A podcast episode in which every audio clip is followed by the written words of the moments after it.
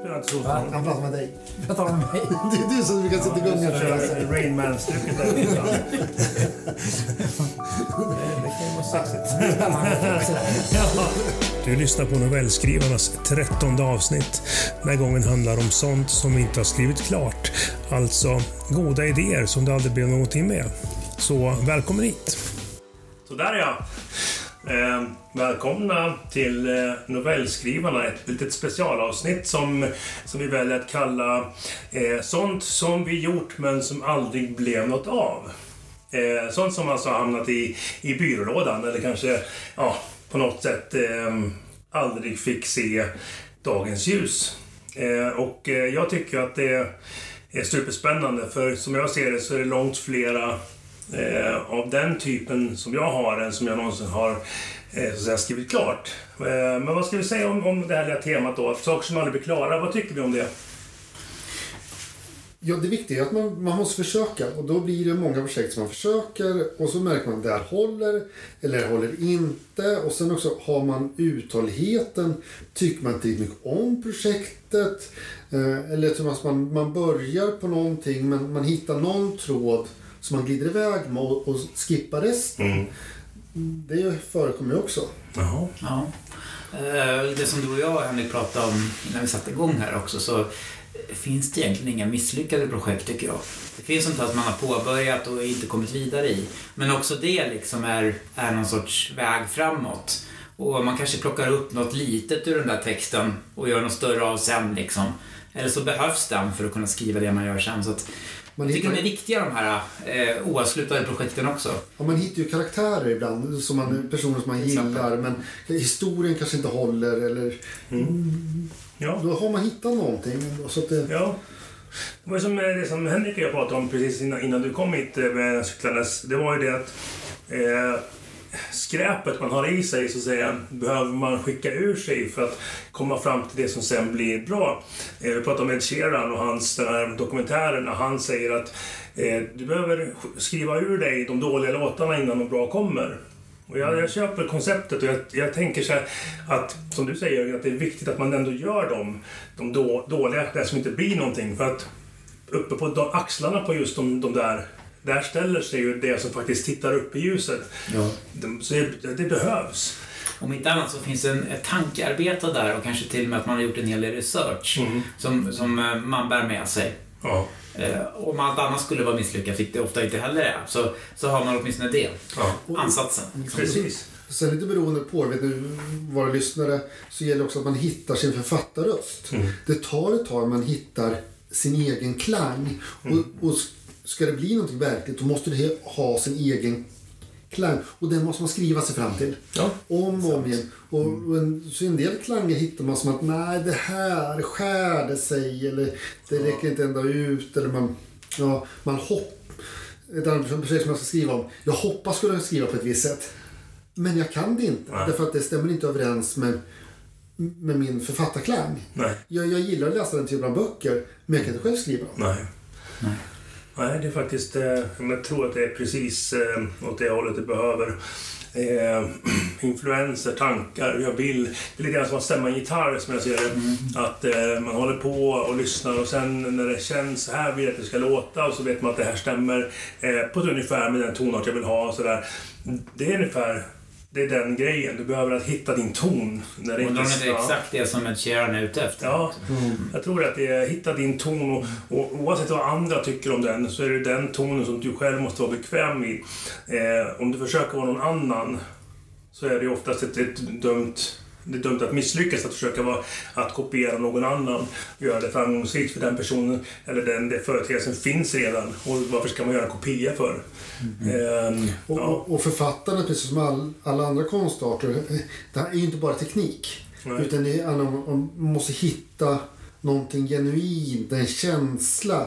Om, om, om man säger någon som sjunger helt perfekt, helt rent.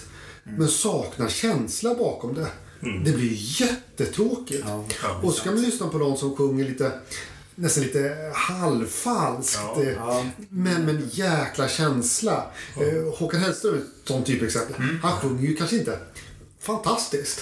Nej. Men en jävla känsla som gör att han får väldigt många som Ja. gillar hans låtar. Ofta är det nästan där som det mest intressanta finns. I Ja. skarvarna, i det som skorrar lite. liksom. Ja. Det är det som gör att artisten, eller författaren vad det är nu, eh, Ja, det är både också. når ut ja. med sin egen röst också. Det går ju det går ju inte att nå ut med en egen röst om man gör perfektion. Liksom. Nej, Då glider man in i någon sorts... klent. Jag vet inte. Stor massa. Ja, men Neil Young tänkte jag på. Alltså, det, Ja, det, han ja. har ju spenderat hela sin karriär med att skorra och vara lite skavig och lite sjavig och lite eh, ostämd. Men eh, det, är hans, det är hans röst. Den är ärlig och den är uppriktig och det är det som funkar. Nick Cave är i min bok likadan. Eh, Karl kan verkar inte kunna ta en, en ton om den så sitter fast i handen på honom. Men eh, ja, jag tycker han är hemsk. Det är svårt att lyssna på honom för att jag vill ha någon typ av tonkänsla. Gamla Nick Cave kanske, det är väldigt experimentellt i början där, men Ja, har du jag- lyssnat så mycket på honom på slutet? Nej, jag tänker mest jag, det jag har i huvudet eh, förutom att jag har försökt någon gång lyssna på honom i och med att han dyker upp i, i, i Neil Young-sammanhang. Det är ju där liksom att när han eh, duettsjunger med Kylie Minogue med Ja, här, eh, The White Rose.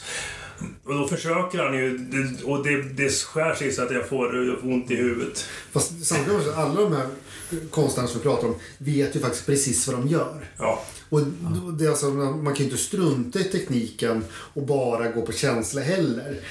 Man måste ju på något sätt tänka lite på läsaren också. Att det får inte vara, det får inte vara hur upp och nervänt som helst. Utan någon, någon slags jäkla ordning för det måste vara i en text också. ja någon, någon, typ av någonting att hänga i liksom. Det går inte bara lianer, de måste sitta någonstans. Han ligger de bara på marken. Men Jörgen, du, du, du har ju lyssnat på Nick Cave lite mer. Har han lyckats så höja sig? Alltså, ja, det finns ju de som har mycket bättre röster än vad han har då, men Ja, ja. eh, i början så var det ju eh, lite hårdare, bullrigare musik. Liksom att det var mycket experimentellt, Ja. det jag lyssnade på. Men det har ju blivit mer melodiöst. Mer och mer tycker jag. Själva jag musiken tycker ändå att hans röst är rätt bra alltså. Ja, det är väl en smaksak som all konst. Jag Ja. pallar inte riktigt. Jag har försökt lite grann. Jag kanske ska lyssna på något nytt, men eh, det är just att det Det är är... en sån här crooner-röst fast det är liksom... Eh, om från helvetet. Men visst pratsjunger han väl? Det, är väl inte, det känns Ja, inte det gör han ofta. Ja. Det, ja. Ehm, men, men just med, med litteratur så tycker jag att, att det, det perfekta eh, det ligger väl i... Det är väl en blandning med att språket ska tilltala en, sättet som författaren väljer att skriva på. Det är också väldigt subjektivt. Eh, och hur... Eh, hur... Ska man säga smart skrivet det är. Eh, är det för lättillgängligt och för enkelt eh, för en van läsare, till exempel att man tar en ungdomsbok, där du kanske efter bara några sidor inser att så här kommer det gå, det här hit kommer de åka, det här kommer de göra. Eh, Ja, det måste, må, måste vara nyfiken vad som hända. ja. ja, Så det kräver, ju äldre man blir, ju mer beläst man är, desto mer eh, blir man kanske lite otålig när man märker att det här är alldeles för simpelt. Men också andra hållet tycker jag. Ja. När det känns för tänkt. Alltså eh, en novell till exempel där, där man när man har läst klart novellen så tänker man gud vilken bra idé och han gjorde det, eller hon gjorde det liksom klockrent. Men, men det skaver ingenstans. Det är lite samma sak som det här med det är för uppmallat. Precis, de måste också ut tror jag författare. Ut i något en okänt stil- land. En stilstudie är ju inte alltid så här Nej, jättespännande. nej. Utan det är så här övningstexter. Ja. Det, är ju det är saker som författare måste göra, övningstexter. Ja. Men man kanske inte alltid ska ge ut dem. Nej, jag tänker att det, just att det blir lite mera... Att man som, eh, som eh, erfaren blir mer i sitt sätt att skriva lite mera hemlig. Att man inte delar med sig omedelbart utan med, med berått mod skickar läsaren till olika håll. Och sen, det är mer som man fiskar. Va? Man kastar åt ett håll och så ökar man takten på draget. Och sen så långsamt. Att man har de verktygen. För jag tror inte att man, man blir eh, framgångsrik om man saknar det, om man är helt random. Utan du behöver ha jag. en, eh, en medvetenhet i nu har vi kommit så här långt så nu behöver jag faktiskt ge mina, de som kommer läsa det här någon typ av riktning. Då har det varit blindgångare här ett tag. Nu måste det komma något viktigt. Eh, och att man liksom kör så. Precis. Eh, men inte, inte planlagt så mycket. En del författare är kanske sådana, men eh, just att det finns en känsla av Ja, jag vet inte. Men också ut på den här isen som kanske inte håller. Ja. Alltså när författare vågar någonting mer. Jag tycker just Neil Gaiman har vi pratat om lite Mm. förut. Jag vet att när han skrev sin första roman, jag tror att det var Amerikanska gudar på svenska. Oh, Eh. Den är jättetjock. Mm. Men eh, då hade han pratat med någon författarkollega och sa att nu, nu tror jag äntligen jag har lärt mig hur man skriver en roman. Och jag vet inte vem författarkollegan var, men han hade ett himla bra svar på det. Ja. Vilka, du har bara lärt dig hur du skriver just den här romanen. Ja, Nästa gång får du börja om från början. Just det. Sen kan man säga, apropå misslyckade projekt som vi ska prata om, så har jag ett sånt. Jag skrev ett synopsis. Mm. Från början till slut. Synopsis var bara 30-40 tusen ord, så det är rätt, rätt ingående synopsis. Ja, ja. Eh, och så skulle jag börja skriva. Mm. Och jag kunde inte. För jag visste hur det skulle handla. Och jag tyckte att det var så jäkla tråkigt. ja. Så jag kunde inte förmå mig att skriva mer. Jag tyckte att då hade jag fantiserat ihop det här och det var upp... Men nej, jag kunde inte gestalta texten. Så. Så synopsis killed the literary star. Ja, jag känner igen det också. Ja. För mig var det så. Jag vet att en del författare jobbar jättemycket med synopsis. Men jag kan inte för jag måste vara nyfiken på vad som ska hända. Eh, Då kan, då kan jag fylla i där. Jag råkade ju ha en förmånen att eh, alldeles nyligen träffa två författare. Den amerikanska, eh, Elizabeth Hand, som skriver både, har skrivit både fantasy och, och all möjlig fik- fiktion och, och nu skriver lite historisk eh, kriminalfiction. Eh, då. Eh, och eh, Niklas Nattodal som skriver historisk eh, kriminal eh, fiktion då. Och då kom de in lite grann på, i sitt samtal de här två om just det här med synopsis och hur de båda två inte gillar det.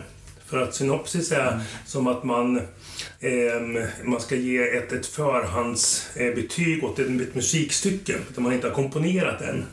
Att här Nej, kommer ett piano och här kommer det vara en schysst catchy så här. Eh, synopsis tyckte de var det är jobbigt när ett förlag vill ha en synopsis för det kräver att du sitter ner och faktiskt går händelserna i förväg och det kan ju vara som jag ser det totalt förödande för en kreativ process. Jag vill ju inte i småbitar. Nej, för det, är riktigt, det är riktigt spännande som händer när man skriver. Det är när man märker att personen hittar på egna saker. Eh, Så, och, så, och så blir man lite förvånad. Just det här projektet vi håller på med nu så var det en person som, som bara gick och dog. Va? Ja, jag hade jobbat upp honom till det här är en av huvud, huvudkaraktärerna. Och så går han och bara tokdör. Ja, och det hade jag ingen som helst aning om. Men, men, men jag tittade, ja men han skulle, självklart skulle han dö. Ja.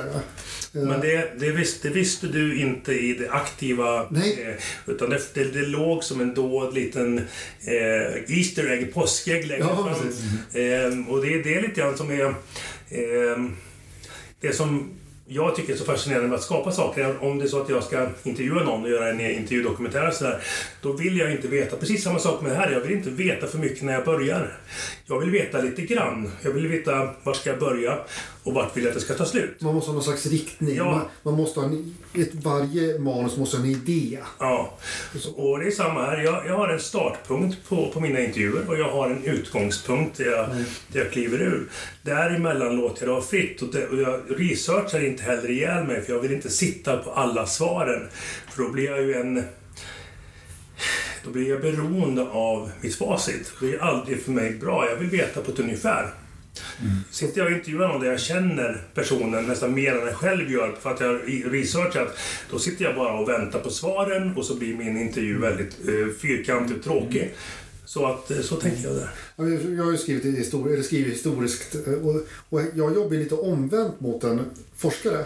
Ja. Jag skriver en berättelse och sen hittar jag fakta som jag placerar in. Så jag gör nästan researchen i efterhand. Jag skriver en berättelse, sen så gör jag research och det hittas detaljer, saker och ting för att göra det mer historiskt korrekt, för att hitta en historisk miljö. Men det gör jag så i efterhand, och jag är motsatt mot vad en forskare gör, som hittar fakta Ja, först Ja. och gör historien utifrån den. Jag gör tvärtom. Så gör Först jag också. Och sen så tar jag... Fast för min del handlar det mer om att jag medvetet kanske är lite vag. För att Ja, efter en liten paus där med kaffe, en- sörpel och, och telefonsamtal så tar vi väl upp tråden igen här och jag tänker att temat då som är saker som vi inte har eh, skrivit klart eller sånt som då aldrig blev klart av olika anledningar eh, är ju säkert på vissa sätt lika för många av oss men också olika. Vad är det som får oss att först skriva överhuvudtaget det vi skriver och vad är det som får oss att efter en stunds skapande faktiskt falla ur? Vad är, är anledningen till att du faktiskt eh, inledningsvis får en skön känsla för det här ska jag skriva. Varför dör den känslan och varför blir det aldrig någonting av det? Och eh, finns det någon eh, chans att de här gamla projekten faktiskt kommer att eh, leva upp igen? Återuppstår. Ja, och jag tänker att vi ska, vi ska börja, ska, vi ska skicka över ordet till den första som får eh, huvudans, huvudansvaret, eh, ett av tre, och det är Henrik. Så om, om du tar den här facklan och berättar om ett projekt som du har startat men aldrig kommit i mål med. Då. Det var ett litet mellanprojekt. Jag skrev på Primla Veris som utgiven. Och sen mitt i det så fick jag en idé om att skriva en ungdomsroman. Eh, Och arbetsnamnet var då Alla är idioter. Och det var innan den här boken... äh, det. var Omgiven. Omgiven. Så det, jag var lite förberedd. Och sen så bytte jag namnet till 15 år och bitter. Och det var rätt roligt att skriva den. Alltså, jag skrev det utifrån en 15-årings perspektiv rakt igenom. Någon slags nästan lite dagbok. Eh, som, tänk eh, Bert fast grinig och sur och inte alls särskilt rolig. Sådär, utan en rätt trumpen jävel som Ja. 15-åringar kan vara. Eh, och sen så skrev vi ihop den. Det är en färdigberättad bok, sådär ungdomsbok. Men sen så, när man återvänder till det så språket håller inte. Så det är jätteknepigt att skriva som en 15-åring och få tonträff, vilket jag möjligen kanske fick. Men så titta tillbaks på den eh, bara två år senare och allt är daterat. Okej. Det känns som att det här är en gammal text. Jag måste skriva om allting. Man lägger in sån tidsmarkörer och sånt. Som säger att det här är uråldrigt. Alltså, det går så fort. Ehm, Men det var rätt kul. Men ja, Ja, men det är precis. Jag tänker på eh, The Secret Diary of Adrian Knoll, age thir- 13 and three quarters, heter den så? Ja. Den här eh, som kom ut 80-talet någon gång. Och den är oförglömlig tycker jag. Thom, Sue Thompson, jag kommer inte ihåg vem som skrev den och det kan vi väl låta vara osagt eller så säger jag att det var någon. Eh, för den är ju otroligt daterad. Hans pappa är galen och var, han eh, åkte till Falklandsöarna fast lite för sent. Va? Kriget var redan över och grejer. Det det är mycket referenser som inte funkar idag. Folk har ingen aning. Det är en bok för oss idag. Jag kommer ihåg vår fröken läste den, jag tror att det var i sexan. Han mäter ju sin snopp, eller Det kommer jag ihåg. Det var fruktansvärt fascinerande. Han gör, ja, han gör ju mycket knäppa grejer. Alltså, så det. fast jag är rätt glad att jag skrev den här boken ändå. Och, Ja. och varför då? Jag, på sätt och vis, jag jobbade som högstadielärare då många år. Och det blev någon slags slags slutpunkt. Så. Ja. Eh, och sen så gick jag på gymnasiet. Ja. Sådär. Så jag, så jag skrev lite grann utifrån mina Ja. Var det då, 15 års erfarenhet av att jobba på högstadiet som hamnade i en bok som aldrig kommer komma ut och sådär. Men ja, det var nog rätt nyttigt. Men jag har ju läst, visst, Ja, du har jag har läst läst en del av det där. Bygger den inte ganska mycket på dina erfarenheter från Uppsala? Alltså, Ja, jo, jo, precis. Ja, precis. Så, Men, det eh, är ju många riktiga händelser. Alltså, Ja. liksom, varje avsnitt i den finns det en verklighet bakom. Men- men- Allt har hänt. Vad var det som drev dig? Vad var det som satte igång den här lilla tanke... Det kom ju en sån här boing! Jag måste skriva. Det här det, det kliar i huvudet och i fingrarna. Jag måste skriva. Vad var det som satte dig framför tangenterna här? Bra fråga. Jag tror att det undermedvetet var jag färdig med högstadiet. Så, när började du skriva på den? Var det inte redan när du jobbade där i Uppsala? Jo, du, Innan ja, precis flyttat? innan jag flyttade till Nyköping. Ja. Eh, Så det var nästan det sista jag gjorde där. Var det också att du behövde få ur dig saker? Ja, det var nog så. Ja. Jag var less. Ja. Skitless var jag. Så din startpunkt, det det som tände stubinen, Ja. det var att Någonstans så, så gjorde du en, eh, en kognitiv eh, knäpp där. Nu, Ja. jag, jag måste, det här måste jag bearbeta. Jag gör det, via, det, det, det jag känner till här och nu. Jag skriver. Ja. Och jag förstod det nog inte själv då. Nej. Utan det är nog efteråt. Så är man, man förstår saker efteråt. Så Ja. Att, ja. Men det blev ju inte språkligt riktigt bra, riktigt skarpt och sådär. Eh, Skulle jag kunna göra det? Ja, det skulle jag. För historien och berättelsen skulle jag nog säga håller. Och karaktärerna håller. Det är språket där som inte... Men du behöver modernisera då. Ja, precis. Och skärpa till och be. För jag skrev ju den oerhört fort. Jag skrev den på två, tre månader och skrev en hel en ungdomsroman på två, tre månader. Det är ett jävla tempo. Så att säga. Ja, ja. Eh, ja. såklart. Det är spännande det där med tonträff. Eh, Jag är fascinerad av att det inte kommer fler ungdomsromaner skrivna av ungdomar. Alltså typ 15-åringar som skriver om hur det är att vara 15 år i skolan. Ja. Eh, Det är så mycket vuxna som skriver om de här högstadie eller gymnasierna eller vad det är nu är. Ja, fortsätt med din tanke där. Vad, vad tänkte Ja, du? nej, men, nej, men det är just det som du var inne på, att det är svårt med tonträffen liksom. När man ska gå tillbaka som vuxen och skriva. Det går ju, men... Ja, det var bara ett infall. Lite, vad, vad tycker du Henrik om det? Det finns ju inte många, eller hur? Nej, men det är därför att det är svårt att skriva roman. Ja, Alltså att skriva en de har inte novell. språket än. Och uthåll... Hur många har uthålligheten med 15 år? Det är klart det är några få stycken. Det är klart att det är det det handlar om. Ja. Eh, Jag har ju, eh, jag har ju gjort hundratals intervjuer med hockeyspelare eh, under eh, tio års tid. Jag ska inte säga vilket lag, men det spelar ingen roll. Eh, Och att prata med en ung hockeyspelare om eh, deras eh, karriär och så vidare, det är svårt för de är där. De har ingen distans eller de kan inte se på det från ett så kallat metaperspektiv utifrån. Eh, men däremot, när vi pratar om en äldre hockeyspelare som är, på, som är på utförslöpet av sin karriär, kanske 30 år, kanske lite till. De kan se tillbaka på sin, sin ungdomskarriär med, med den klokskap som man faktiskt inte kan ha när man är där och då som Det har du helt 97-åring. rätt i. Det har du helt rätt i. Så Det är samma som 15-åringar Persbrook. eh, tror jag exakt. Det finns några få som är väldigt, väldigt eh, så att säga lillgamla till sättet Mm. som skulle kunna göra det och en del kanske också gör det. Men de saknar ju kanske uthålligheten. De saknar kanalen att ge ut. Så det blir Mm. någonting som hamnar i deras brev, eh, låda. Liksom, Också den, här, den tekniska förmågan. För det har man i början pratat om att man inte måste... Det är mycket känslor, inte bara teknik. Så måste man ju ha tekniken också. Ja. Eh, Men eh, på det stora Sen skrev jag ett annat projekt som jag nämnt lite tidigare. Som jag kunde.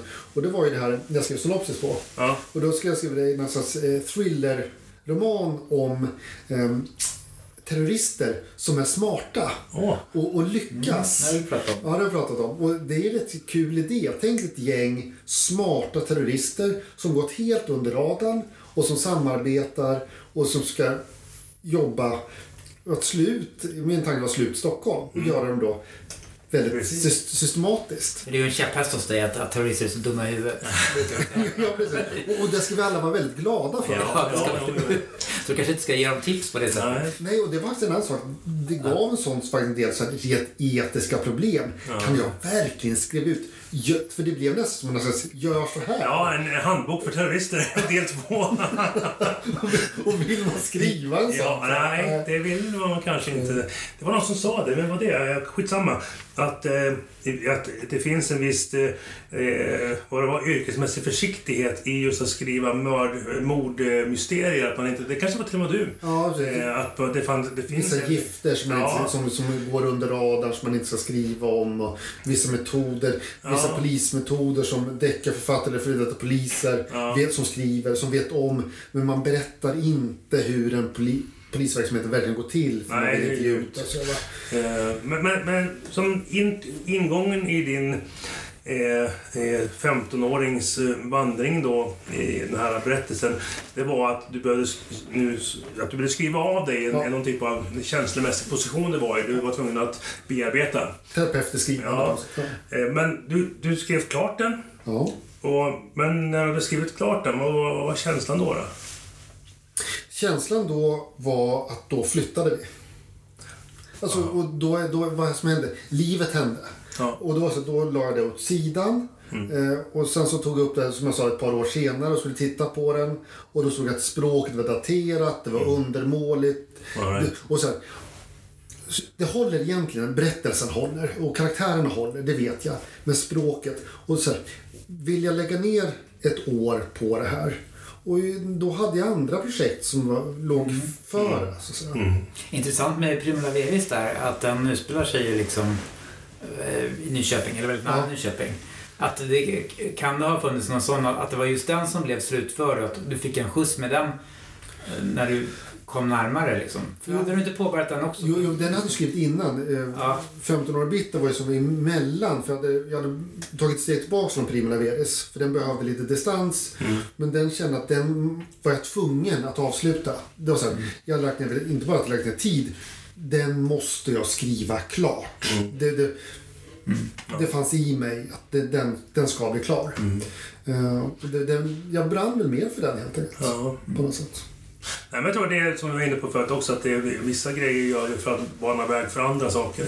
Det, man behöver eh, skrapa ur sig det som, eh, de här idéerna som, som ligger och retar, som tar energi från det som man egentligen vill göra. Jag tror på det. Eh, så att med, med de kloka orden från mig så lämnar vi över klokskapen till, till Jörgen och ditt eh, eh, projekt som du har ansett att du har startat men inte riktigt fullföljt. Vad har vi där då? Ja, är det okej okay om jag läser lite? Det är jättebra. Jag tror att det blir lättare för mig att prata om det då. Kör. Eh, jag läste bara de tre första sidorna här och det är ganska korta, korta sidor. Mm. Det här är precis inledningen av det här som är en ganska, ganska lång text som är i alla fall över 100 sidor.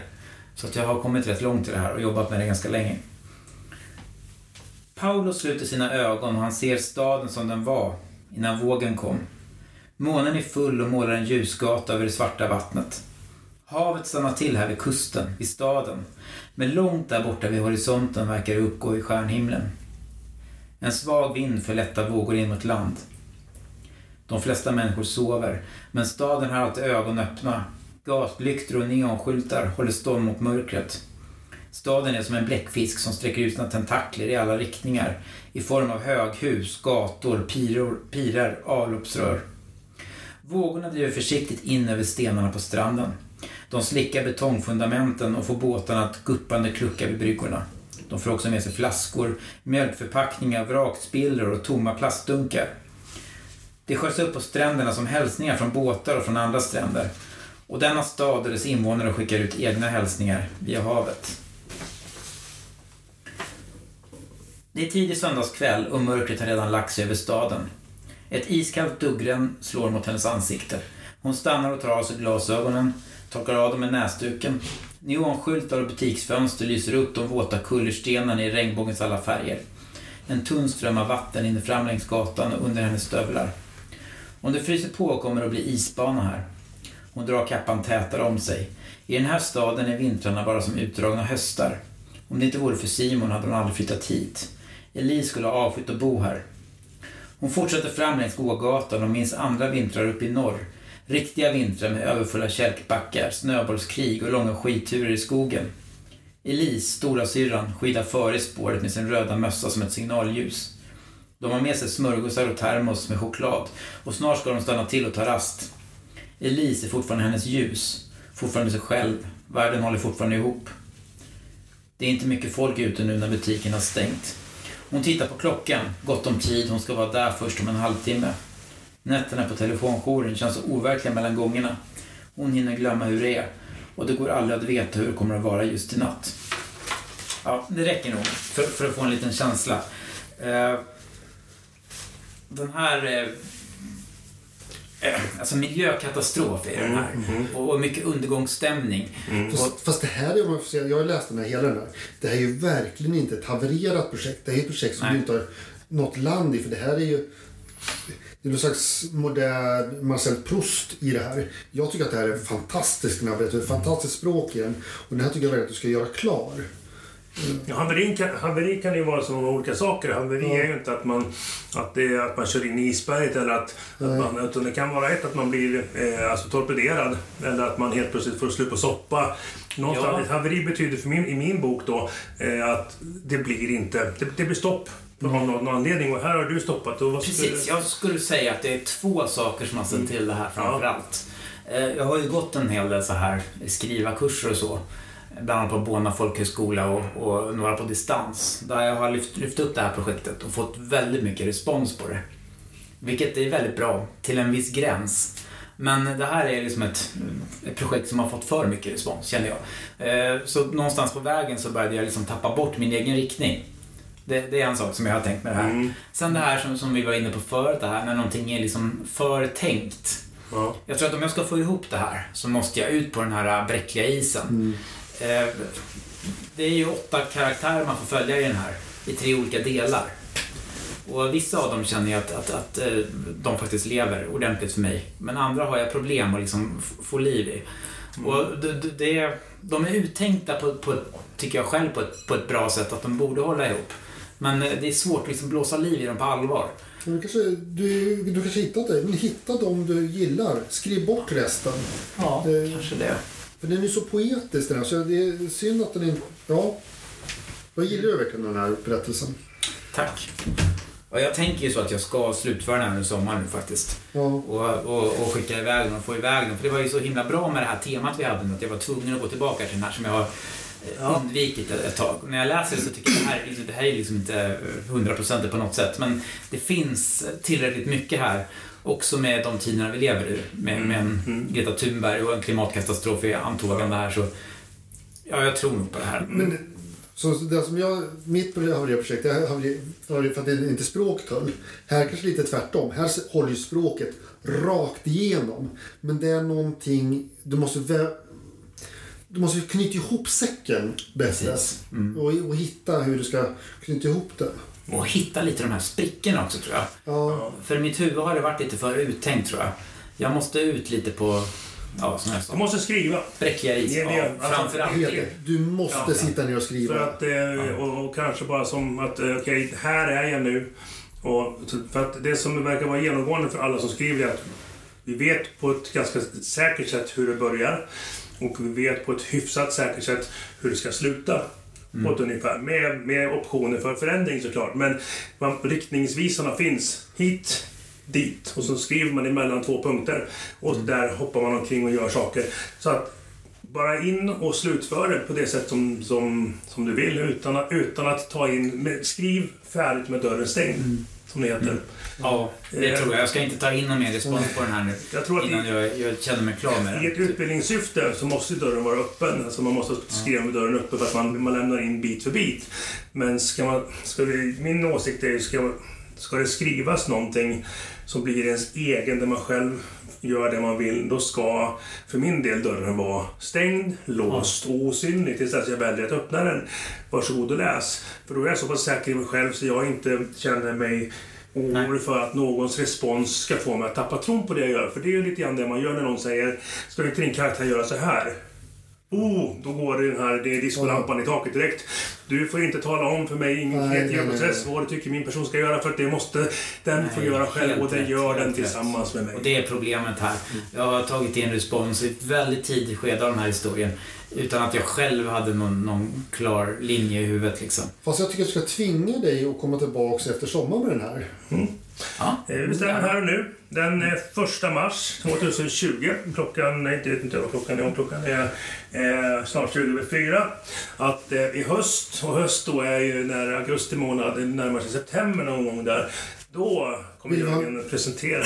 Då vill vi ha en återkoppling fall. Ja. Det är det är enda som funkar på mig, deadline. Ja, så jag ja. älskar sånt. Det Eh, är så- därför den här novellskrivargruppen funkar för mig Ja, så i slutet på, och den, eh, på augusti där så kommer vi få ett litet... Eh, en- Smakprov kanske ja, också? Ja, Annars blir det stryk. Annars blir det stryk. jag. Det blir medelst banan Ja. som vi har här på bordet. Vi kommer En rutten banan dessutom. Vi sparar den. ja, precis. I september lär den bli. Ja, det var ett inside joke men eh, det var så att Jörgen hade med sig banan. Pressa i sig en rutten banan. Ja, fast den kommer vara mumifierad så den får man nästan blöta upp va? För att få fram smaken. Dagisbanan i ryggsäcken. Ja. mycket bra. Ja. Eh, nej men... Du sa att ingången var att var det så att du fick en uppgift som du skulle göra och du skrev den här som en, en del i en, en skrivarutbildning, eller hur var det? Eh, alltså idén var ju min egen, helt och hållet min egen. Men Ja. det här är också ett försök att skriva någonting som inte pratas så mycket om längre, men var mycket i de nordiska länderna för några år sedan. Det här med punktroman. Eh, Alltså korta stycken som, som vävs ihop till en, till en helhet. Ja. Där det inte är någon röd tråd, alltså kronologiskt berättande, utan det är Ja, så De här punkt. personerna som gör Precis. sina stycken och så, som sen till slut blir en... Precis, så det här var mitt andra stora försök efter det första som, som jag inte tror går att rädda riktigt. Nej. Men den här kanske går, går att rädda. Men visst, jag påbörjade den nog på en av de här skrivarkurserna. Det gjorde jag. Så du Ja. började skriva den med dörren öppen kan man säga? eller? Det, så var det. Ja. Eh, och sen vad... eh, Vad var det då spe- specifikt eller ospecifikt? Vad var det som fick lågan att slockna? När, slut, när, när slutade din kompass att funka? I skrivandet då? Jag tror, tror att det var... eh, Alltså, var det två eller tre? Jag tror att det var den andra skrivarkursen som jag gick på distans. Där, där jag lyfte den här texten. Och, och det var nog specifikt också den här läraren där. Så han hade bra saker att säga om texten. Men, men det kändes också som att han inte förstod riktigt. Liksom. Eller, jag tyckte inte om vilken väg han ville att den skulle ta. Liksom. Jag Hade han att åsikter på att han, att, att, hade han förslag på riktningen alltså? Det var då? Åh, jag kommer inte ihåg exakt konkret Nej, därför vad det var, att- men lite åt det hållet. Därför att författaren måste ju välja sin egen väg. Ja. Man kan Ja. ta in lite åsikter. Men Ja. det, det är man själv som är författaren. Ja, skriva Ja. kurser måste ju, känner jag personligen, få, få ju för min del, då skulle jag gå därifrån om jag satt på en kurs där någon talar om hur jag ska göra. Jag vill ha en, en, en kurs där någon säger här har vi verktygen som jag tänker eh, presentera för er. De här sakerna kommer vi prata om. Sen får ni välja av de här verktygen. Jag kommer inte tala om för er hur jag vill att ni ska göra, men jag vill, veta, jag vill att ni ska veta att de här men verktygen precis. gillar jag. Jag ska, jag ska inte säga att han, han var bra på sitt sätt, men jag tror inte han var min läsare. Alltså, Nej. jag tror inte han förstod. Han förstod det, det, kan man, det kanske var för att jag var för otydlig också. Men eh, det kändes så i den responsen jag fick från honom. Att han verkligen ansträngde sig, men, men det studsade bara liksom. Ja, Och jag blev förvirrad där någonstans. Och jag, tappade sakta lusten, sen hoppade jag av den där också. ja. Den där distanskursen. Ja, någon, det var som en sån här oljelampa där man helt, någon plötsligt går framåt och då rullar man ner veken i, i, i hållan liksom, så att lågan slocknar. Ja. Eh, batterierna tar slut. Eh, för jag, jag kan ju likna en kreativ process vid en, en dynamo. Ja. Är ni med? Eh, om jag inte får kraft tillförd till den, min, min egen inre dynamo, då kommer lamporna att slockna. För det finns inget batteri som laddar som ett... Ja, det, det, det måste finnas kraft som tillförs. Och möter man på kraftsnattare, alltså parasiter av olika slag, någon som, har, någon som kritiserar en för det man gör just där och då med den texten eller på något annat sätt träffar på ett energidränage, då är det tufft att hålla skapandet igång. Då blir, då blir det lättare att ge upp för att det tar inte lika mycket energi. Nej. Eller som en del, en del kritik, att de vill att man ska skriva en annan bok än när man skriver. Och då blir jag vansinnig. Ja, men precis. Och Det var det så jag han- kände, Han ville ja. att du skulle skriva en annan bok, men Ja. du skriver ju den här boken. Ja, vad är det för idioti? Ja. Han ville nog att jag skulle slä, släppa det här punktromanstänkandet. Ja, Att det skulle bli mer eh, som en eh, alltså, vanliga Klassisk kapitel berättelse, och sådär. ja. Och, och där tappade det också min som en grundingång med det här. Ja. Ja, för, för du hade gjort ett beslut. Ja. Ja, Punkt. Och man, man, om börjar man då vela, då blir det ju pannkaka av det. Ja. Eh, Mm, så det är ofta det som man skriver, man måste fatta beslut hela tiden. Ja. Och ibland blir det bra, ibland blir det inte bra. Men vissa saker måste man ändå... Och det är därför man reviderar sen. Man måste få göra de här misstagen. Ja. Man måste få gå sin väg. Och sen vartefter revidera och ta till sig när man väl öppnar sin dörr och släpper in någon som man litar på att läsa. Inte många tänker jag, utan någon enstaka. Läs, vad tycker du? Jättebra, men i kapitel 4 har jag svårt att se vem det är som är. Aha, okej. Vad har du rätt i? Och så den delen. Sån är jättebra.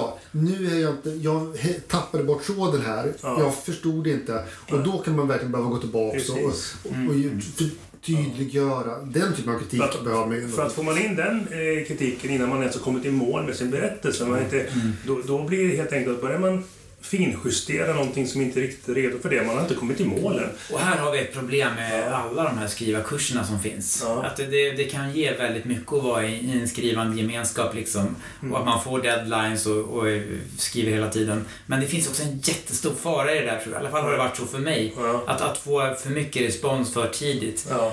eh, Innan man själv vet var man är på väg någonstans. Ja. Och olika också. Alltså det blir ofta förvirrande när man sitter och djupdyker i texter som jag har gjort. Eller man får från olika håll, folk som verkligen har dykt ner i det. Ja. Så kan man få två helt motsatta eh, saker om sin text. Det är ganska vanligt. Mm. Och, och då måste man ju vara väldigt fast i sig själv, liksom, vad man vill. Jag tror Annars så kan det bli fel.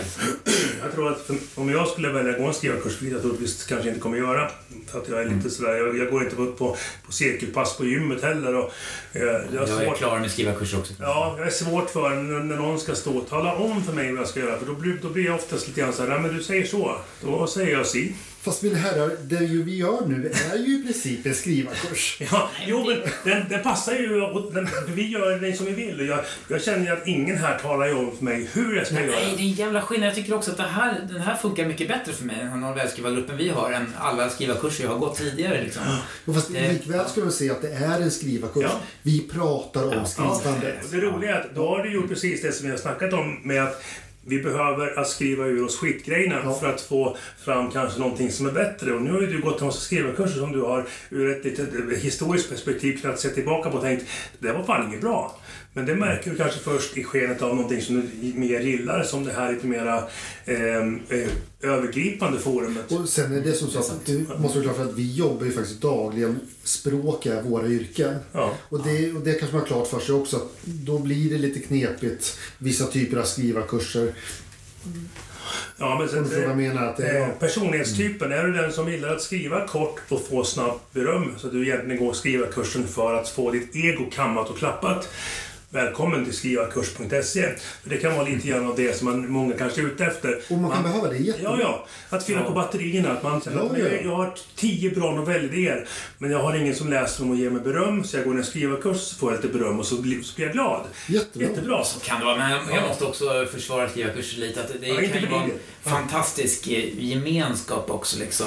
Och, Ja. och när man dyker så djupt ner i andra skrivande också så alltså, så lär man ju sig del, inte bara om skrivande utan om sig själv också. För jag, jag gick en skrivarkurs också. Jag, I början var Prima Veris. Och hade jag inte gått den skrivarkursen hade romanen aldrig blivit klar. Ja, jättebra. Och jag fick jättemycket och rätt hård kritik ibland. Så här, stenhård. Och, och ju- just där och då behövde jag det. Ja. Men det där är ju väldigt... Jag tror det där är otroligt olika. Jag tror tror det jag är, också. för att jag kan ju... Jag kan tycka att för, för min egen del, om jag skulle vilja gå en skrivarkurs så skulle jag inte ta med mig en idé som jag ville skulle bli mitt epos. För den vill jag göra själv. Jag skulle däremot vilja eh, kortskriva och, och funktionsarbeta och det- jobba precis, med... Så kan man använda skrivarkurser. Ja, men jobba, jag jobba med att en skrivarkurs som Ja. handlar om att gestalta. Att, Fast- eh, ja, eller du vet, person, veckla ut en person från ett, eh, ett endimensionellt eh, streck till en, en tredimensionell eh, figur. Fast, fast vet man det? När jag började skriva Prima Veris, som då hette någonting helt annat, hade ju ingen aning om att det skulle bli en roman. Nej. Jag började skriva små berättelser och först tänkte jag, här blir en Först tänkte jag att det blir en jäkligt lång novell, tänkte jag. Sen tänkte jag att det blir väl en, kanske en liten kort roman det här. Och sen så blev det en fullängdsroman. Alltså, jag visste ju inte det på vägen. Jag hade ju ingen aning om vad de skulle kunna slutföra eller inte. Men det, jag har ju Nej, eh, under eh, ja, ett par års tid nu träffat lite författare, som har, förutom de som vi träffar i den här gruppen. Mm. Du, det är Henrik och Lotta, även Jörgen nu, som har sin, sin berättelse på gång där. Eh, och då har jag träffat en kille som heter Steven Gallagher, en britt som har skrivit lite allt möjligt. Han har på sedan 80-talet. Eh, och han sa just det att eh, när, man, när man skriver Eh, om man tänker sig att nu ska jag skriva en kort berättelse som ska ge mig lite snabba pengar. Jag skriver en kort novell för den här tidskriften.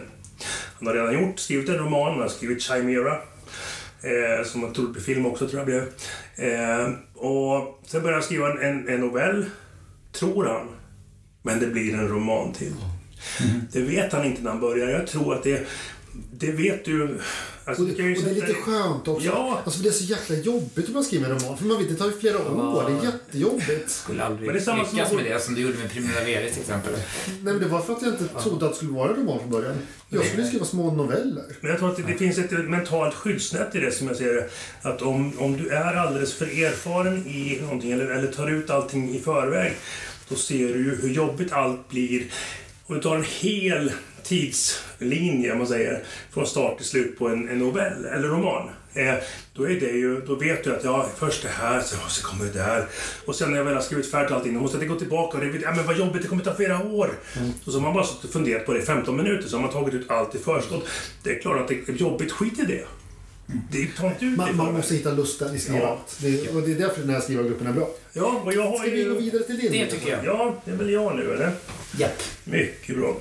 Eh, ja, jag har ju eh, eh, skrivit eh, egentligen, eh, jag ska inte säga alltid, men väldigt länge. Eh, på något sätt. Eh, och- det ja, både kort och ibland långt och så vidare. Och det, det jag tänker för min del, det här strandade, kraschade, eh, det är liksom varifrån det kommer. Var kommer drivkraften att skriva? Och för min del så är det mycket att jag överkonsumerar någon typ av genre. Till exempel. Eh, jag eh, läste David Eddings eh, berättelse, en amerikansk, numera avliden fantasyförfattare. Han skrev sina böcker ihop med sin fru, Lay, och Lee. Lee, ja, kommer inte ihåg nu, nu trots namn, hon är också död nu. Eh, Sagan om Belgarion, eh, Sagan om Valoria och även de andra böckerna som gav, gavs ut då. Eh, och när jag hade läst de här, jag läste ju om dem. Jag är ju snäll, jag kan läsa om böcker som är bra, de läser jag flera gånger. Då fick jag för mig att jag ska också skriva en fantasyberättelse.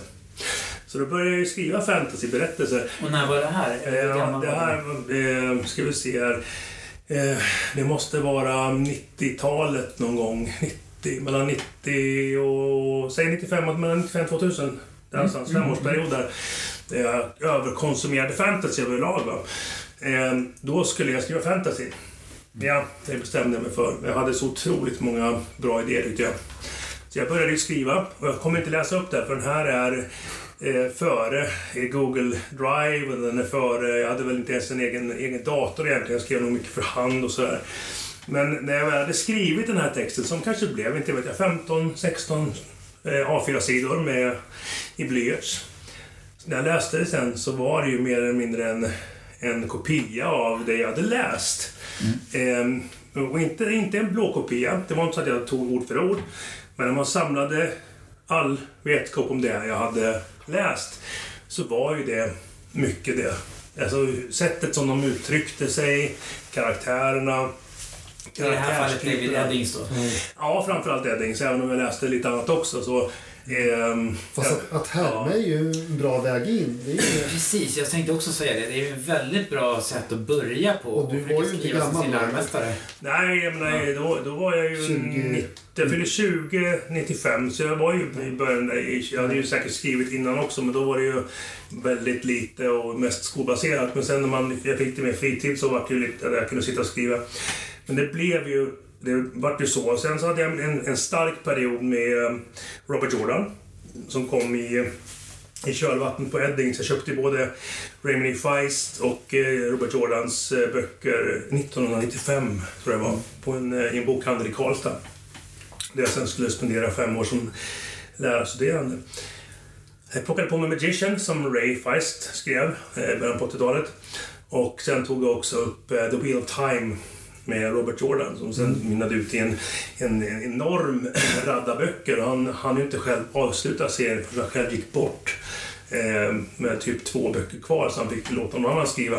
Men jag läste de här böckerna i och med att man kom ikapp författaren så läste jag om dem. Och det var ju också en källa. Så när jag får ett här skrivarknäpp då har jag oftast eh, befunnit mig i en situation där jag har eh, helt enkelt intrycken har varit så starka under en lång tid att jag har, precis som när du Henrik skulle skriva av dig din, ditt yrkesliv som mynnade ut i en, en 15-årings berättelse likt eh, Adrian Moles dagbok. Sådär, va? Man typ lite grann samma sak här. För att hantera överkonsumtionen av fantasy så började jag skriva själv.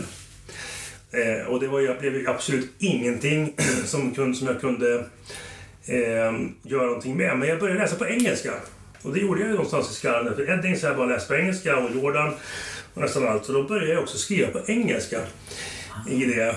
det blev ju för att jag läste det och det blev det språk som, som jag kände att jag hade kontroll över. Det var redan från början alltså, när Ja. du först började skriva så gjorde du det på engelska först. Ja, förutom den första lilla trevaren som jag gjorde med, med Eddings inspiration då, som var lite mera som var på svenska. men hur är det att skriva? Det är inte ditt modersmål. Hur är det att Nej. skriva? Nej men språk, engelskan har väl alltid varit enkel för mig. Alltid så. Sen har jag varit på ett år i USA och, sen, och liksom... Och det du läser och hjärnan vänjer sig vid och du har fallenhet för blir ju normalverktyget. Men det måste bli en rätt intressant distans. För att svenska är mitt modersmål. Jag, det är som, jag lever ju i språket Ja, men jag bytte ju där. Jag bytte ju... Jag hade ju lättare för att uttrycka mig på engelska än på svenska. Det har jag fortfarande på grund av, eller tack vare hur man vill se det, att jag eh, nästan uteslutande konsumerade engelsk litteratur. Inget annat. Edgar Allan Poe eh, och jag menar, Tolkien kanske också. ja allt. Eh, jag, har väldigt, jag har väldigt lite svensk litteratur överhuvudtaget. Jag är dålig på, på svensk litteratur och det, det kan jag känna nu är en, en brist. Här är det jag vill läsa. Så jag tycker att det är jobbigt att läsa på engelska. Men jag, jag lyssnar på engelska. Jag tycker att det är jätteskönt att ha engelska som ljudböcker. Ja. Men Ja. det, Jag gillar, jag, jag vet inte, jag, jag tycker att... för jag tycker, lyssna på svenska ljudböcker kan jag tycka är jobbigt. Ja. Men det, jag tycker om att lyssna på engelska. Ja, Men det är, jag vet inte, det är någonting. Sen hade jag, jag har en här som... Eh, eh, jag skrev Och det är faktiskt en av de här idéerna som likt den här som du, har, som du läste upp där, eh, som jag faktiskt fortfarande när en viss kärlek för. Mm. Liksom jag, jag har en, en tanke på att den här är, är fan inte helt illa. Just själva idén, även om jag då gav upp den. Det, det här är ju då eh, det kraschade projektet som jag faktiskt ändå hade en viss ehm, det fanns nog, det finns nog någonting i den. Och den är återigen, i och med att jag har nästan, jag har läst väldigt mycket fantasy, det, det var ju det som funkade bra. Jag gillar det. Eh, vardagen har jag runt omkring mig, jag behöver inte läsa om andra som har det si och så, utan jag kan läsa om ja, ja, eh, Feist och, och, och de här eh, Jordan och en massa andra. Eh, så jag började fundera, men jag vill, jag vill ju skriva. Jag vill ju verkligen det. Hur ska jag göra? Har jag något att berätta? Det hade jag ju. Jag hade tanken att ja, men en liten grupp individer, det är alltid det det handlar om. Man behöver ha en grupp individer, kanske ett par, tre, gärna eh, kompisar eh, som på något sätt ska hjälpa varandra i klassisk Harry Potter-anda eller klassisk Sagan om ringen-anda allt vad det nu handlar om. En liten kärngrupp som då ska eh, hjälpa varandra. Och A Call to Adventure. Ja, men precis. Det är lite grann coming of age-variant i fantasy-tappning. Och det är nästan så de är. Man börjar med när de är små och sen växer de upp och i slutet så är de de största krigarna i hela världen och vinner alltihopa. Liksom. Sådär. En klassisk fantasy. Sådär. Eh, så jag hade ju idén. Eh, och jag började skriva på den och det utgick ifrån att eh, i en värld så fanns det då, eh, det blir lite en medias res, man hoppar in i handlingens mitt. För det går inte att börja från början med the big bang, utan man måste ju någonstans hoppa in i det. Va? Och då tänkte jag att varje, en, en knutpunkt på, jag vet inte sex eller tolv punkter som jag hade bestämt mig för, så fanns det någonting som kallades för The Sentinels Rock, alltså utpostens sten eller liknande.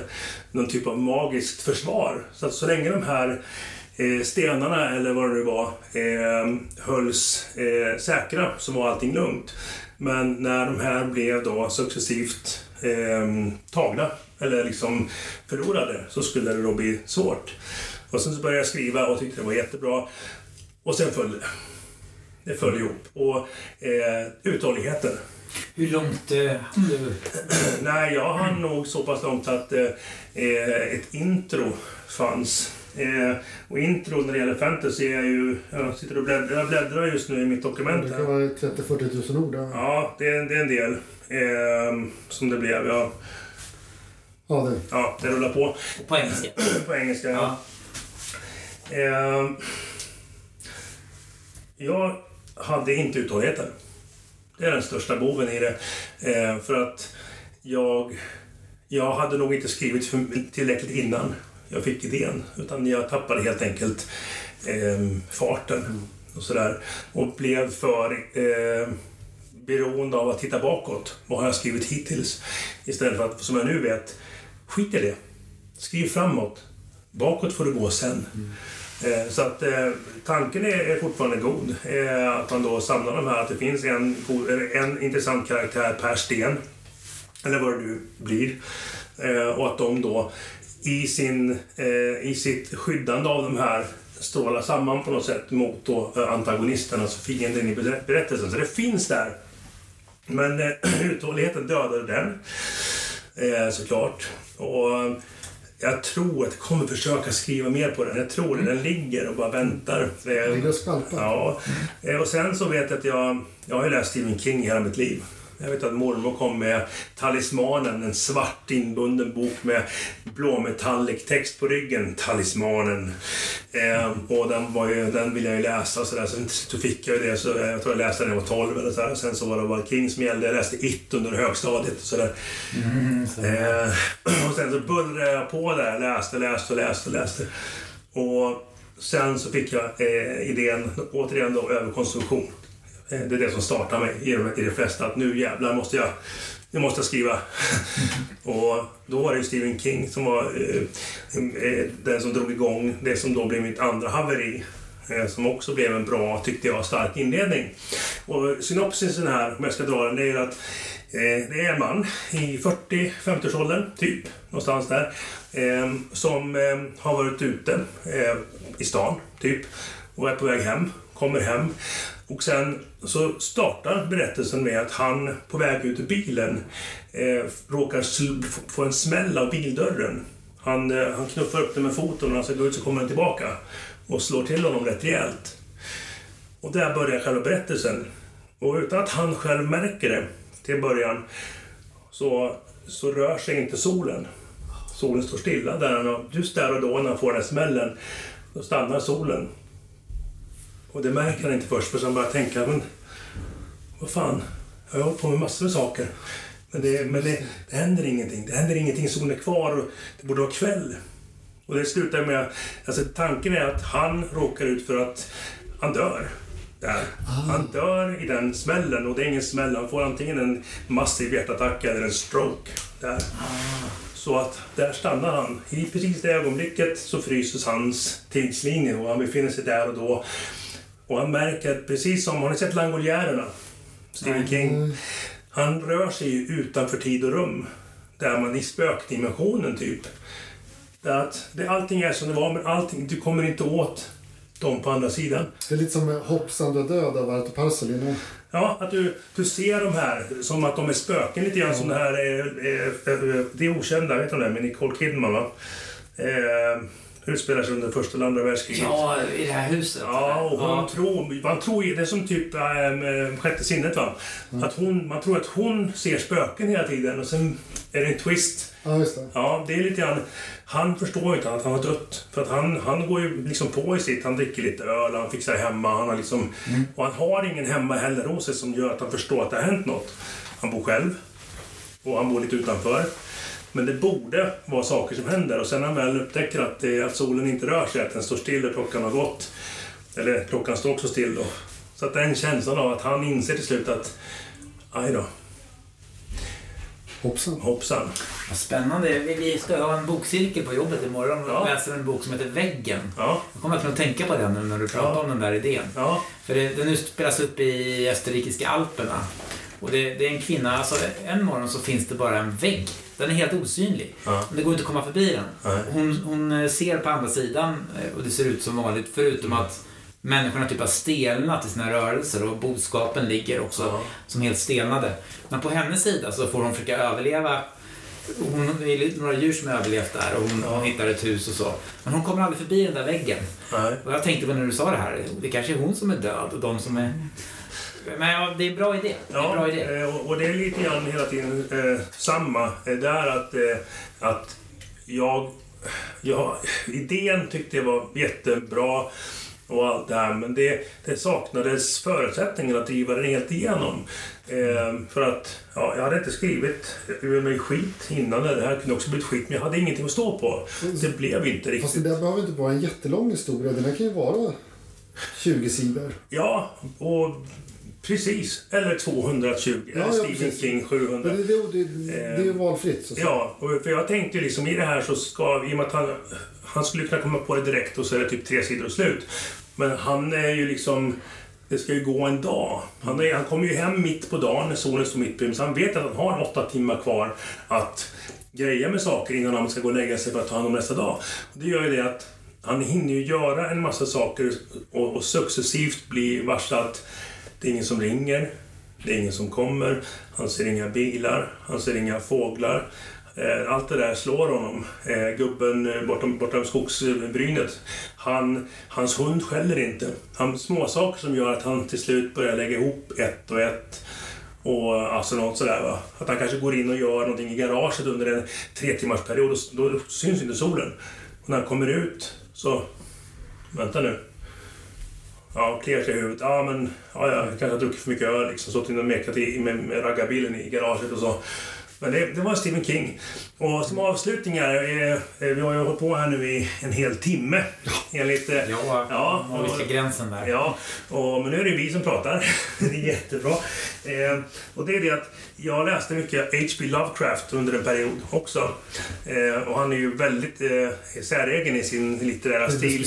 Eh, han är som, lite grann som Dostojevskijs, han är så nära, han är så otroligt massiv i sin eh, första persons perspektivsbeskrivningar och, och det här, den, han är tung och, och mystisk och när jag läste The Case of Charles Dexter Ward, eh, en kortare novell, eller kort och kort men ja, eh, då, den läste jag rätt mycket och då fick jag också, då skulle jag skriva en, en berättelse som var ungefär som, som den och det handlar om en en excentrisk förmögen man som letar efter receptet på, jag tror att det är evigt liv. Kommer inte exakt ihåg nu. Eh, och gör en massa saker för att få till det här. Och då drevs jag också till att försöka författa det här. Så att för min del, återigen, så är det överkonsumtion av vissa genrer gör att jag får skrivlust. Mm. och sen så har jag då hittills i alla fall inte haft drivkraften att, att eh, slutföra. Nu är, det, nu är det några år sedan jag faktiskt eh, agerade på mina impulser vad gäller långskrivande. Så att jag har inga haverier från direkt nutid. Men min tanke nu det är att försöka, som i Jörgens fall, att slutföra eh, någon av mina idéer. Och då tänkte jag göra så här att det ska vara jämvikt. Eh, jag utmanar också Henrik Eriksson ah. i att eh, göra klart eh, den här 15-åringen. Fast nu. Och du får göra som du vill.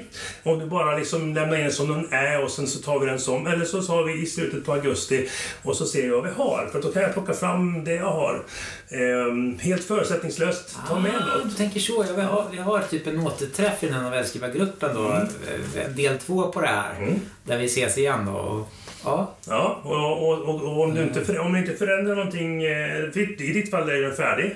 Mm. Men i Jörgens och mitt fall så är inte berättelserna klara alls. Nej. Nej. Så då, eh, då måste vi skriva klart. Men du kan ju välja att bara liksom kanske justera bort de mest tidsotypiska grejerna och sen är du klar. Du menar den här lilla saken fixa till hela språket? Ja! Ja, det, det går ja, fort. Ja, ja men så. Eh, eller inte. Men så, så kan vi åtminstone ta det som ett... Så här blev det när vi drev igenom det. Absolut. Mm. Um, Mycket bra. Och gör vad, vad ni vill. Det får bara bli ett, ett jätteprojekt eller ett miniprojekt eller så. Men att vi i slutet på augusti ser vad det är. Och vad det blir. Men eh, vad kul! Det var kul att höra på, eh, på i diskussionen om, om havererade eller ej färdigskrivna eh, berättelser. Och eh, vad ska vi säga? Eh, är vi klara så eller? Ja. Det är vi. ja. Tusen tack. Eh, då tackar vi för visat intresse och eh, vi hörs igen eh, om ett tag. Ja, gött. Mm. Hej då! Hej då! Du har lyssnat på Novellskrivarnas trettonde avsnitt där vi har pratat om sånt som vi aldrig har skrivit klart. Goda idéer och så vidare. Nu har vi en liten press på oss att skriva färdigt en av våra gamla synder. Det får vi se hur det har gått då i, vad blir det? Augusti kanske? Nåväl, tack för att ni har lyssnat och vi hörs snart igen. Tja!